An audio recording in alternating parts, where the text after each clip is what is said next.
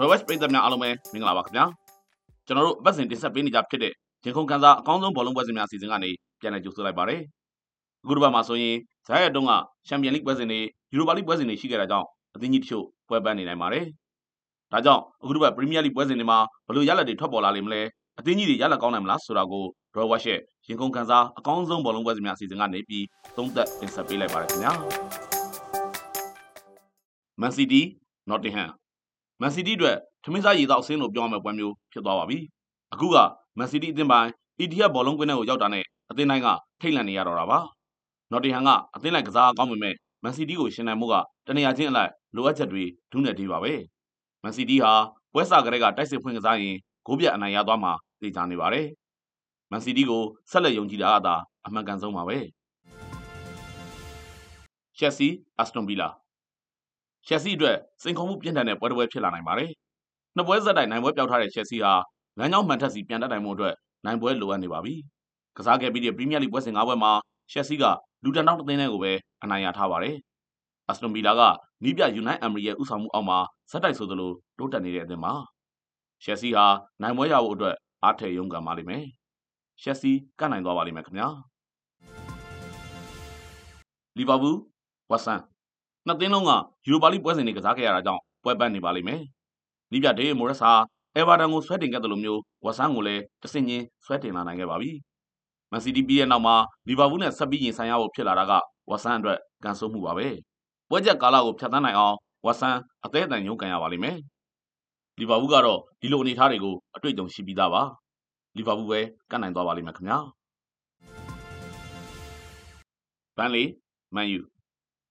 ပရီးမီးယားလိမှာ မန်ယူထက်ဂိုးတွေပိုပြီးပေးထားတဲ့အသင်းဆိုလို့နှစ်သင်းနဲ့သာရှိပါတော့တယ်။အဲ့ဒီအသင်းတွေကတော့ဝူလ်ဗာဟန်တန်နဲ့ဘန်လီတို့ပါပဲ။မန်ယူဟာအသင်းလိုက်ကစားအနှဲငယ်တိုးတက်လာရင်မဲ့အသင်းကြီးတစ်သင်းအဆင့်အဆင့်လေးနေရာကိုစိန်ခေါ်နိုင်တဲ့အဆင့်ရောက်လာဖို့ကတော့လိုအပ်ချက်တွေအများကြီးရှိနေပါပြီ။ပြောရမယ်ဆိုရင်အစိုးကြော်တန်တရားဟာမန်ယူစီကိုတကြော့ပြန်နဲ့ရောက်လာလေသလားလို့တော့တွေးဆကျင်စရာပါပဲ။နီးပြမော်ရီညိုလက်ထက်တုန်းကပထမရာသီမှာကျင်းနဲ့လောက်စရာအကောင်းဆုံးတွေဖြစ်ခဲ့ပေမဲ့ ဒုတိယဘောလုံးရာသီကိုရောက်တော့အသင်းကအထိုင်တစ်ခုတိဆောက်လို့မရနိုင်အောင်ကိုပြိုပြတ်သွားခဲ့ပါတယ်။အခုလဲမန်ယူကအသင်းတွင်းအကြောင်းတချို့ရှိနေပါပြီ။ Brighton ကိုရှုံးတဲ့ပွဲစဉ်အပြီးအသင်းရဲ့အိုလက်ကန်းထဲမှာရန်ဖြစ်ခဲ့တယ်လို့သတင်းတွေထွက်လာခဲ့ပေမဲ့မန်ယူဘက်ကတော့အဲ့ဒီသတင်းတွေဟာသတင်းအမှားတွေပါလို့ပြန်လည်ဖြေရှင်းထားပါတယ်။ဘိုင်ယန်မြူးနစ်နဲ့ပွဲမှာ၃ဂိုးပြန်သွင်းလိုက်နိုင်တာကိုတိုးတက်လာတဲ့အောင်ပြောဆိုနေရင်မဲ့အသင်းကရှုံးမြဲရှုံးဆဲပဲဆိုတာကိုတော့မမေ့သင့်ပါဘူး။ကိုသမားအိုနာနာအမားများနေတဲ့၍ ကွင်းနဲ့အထိုင်ကိုမတိဆောက်နိုင်သေး၍မန်ယူဟာပလိုင်းအပေါက်နဲ့ဖားကောင်းနေတဲ့ဘဝမျိုးပဲဖြစ်နေဦးမှာပါ။ဗန်လီကတော့အရှင်အားသာချက်ကိုလက်ခံပြုပြီးမန်ယူကိုခံကန်ပါလိမ့်မယ်။ဒီပွဲကိုမှမနိုင်ခဲ့ရင်လည်းမန်ယူဆိုတာကိုမေ့ထားလိုက်ပါတော့လို့သာပြောရဖို့ရှိပါတော့တယ်။ဗန်လီရဲ့အိမ်ကွင်းစီကိုနောက်ဆုံး9ကြိမ်လာရောက်ခဲ့ရမှာမန်ယူကတရေနဲ့အနိုင်ရလဒ်တွေကြီးရအုပ်ထားပါတယ်။မန်ယူဟာကတ်နိုင်တဲ့ရလဒ်မျိုးနဲ့ဖီအားတွေအောက်ကနေရုံထွက်လာလိမ့်မယ်လို့မျှော်လင့်မိပါတယ်ခင်ဗျာ။ အာဆင်နယ်စပါနောက်လန်ဒန်ဒါကြီးပွဲစဉ်ဖြစ်လို့အပြိုင်မှုပြင်းထန်ပါလိမ့်မယ်။ရမတ်ချင်းနဲ့တူရှုံးမမရှိဖြတ်တန်းထားခြင်းနဲ့တူတဲ့အသင်းနှစ်သင်းဟာတသင်းနဲ့တသင်းအမားချောင်းပြီးကစားပါလိမ့်မယ်။စပါရဲ့အားသာချက်ကဇာယန်မှာဘာပွဲမှာမကစားရပဲအနားရထားတာပါပဲ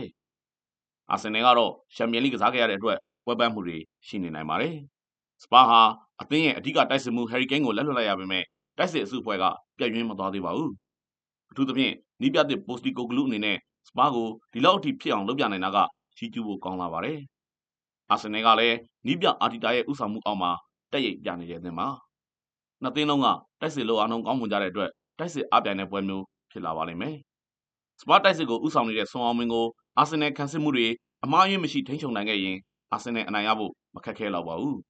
။အိမ်ကွင်းဖြစ်နေတဲ့အာသာချက်ကအာဆင်နယ်ကိုနိုင်ပွဲရအောင်ပံ့ပိုးပေးလိမ့်မယ်လို့ယူဆမိပါတယ်။ စပါဟာအသင်းကြီးတွေကဆိုလို့ရှေ့ပြတ်နေတဲ့မန်ယူနဲ့ပဲဆုံခဲ့ရသေးတာပါဒီပွဲကတော့စပါးနဲ့စပါးနီးပြပိုစတီကိုဂလူးကိုစမ်းသပ်မဲ့ပွဲစဉ်ဖြစ်လာပါလိမ့်မယ်စပါးအတွက်ရှုံးပွဲတစ်ပွဲရောက်လာလိမ့်မယ်လို့ယူဆမိပါတယ်အာဆင်နယ်ကတ်နိုင်သွားပါလိမ့်မယ်ခင်ဗျာအခုဆိုရင်ဒီတစ်ပတ်ရှင်မြန်ကစားမဲ့ပရီးမီးယားလိပွဲစဉ်တွေကအသင်းကြီးတွေရဲ့ပွဲစဉ်တွေကိုရွေးချယ်ပြီးသုံးသက်တင်ဆက်ပေးခဲ့ပြီးဖြစ်ပါတယ်။ Drawatch ပြည်သက်တွေအားလုံးကံကောင်းမှုတွေနဲ့ဆုံစည်းနိုင်ပါစေလို့လည်း စုမုံကောင်းတောင်းပေးလိုက်ပါတယ်ခင်ဗျာ။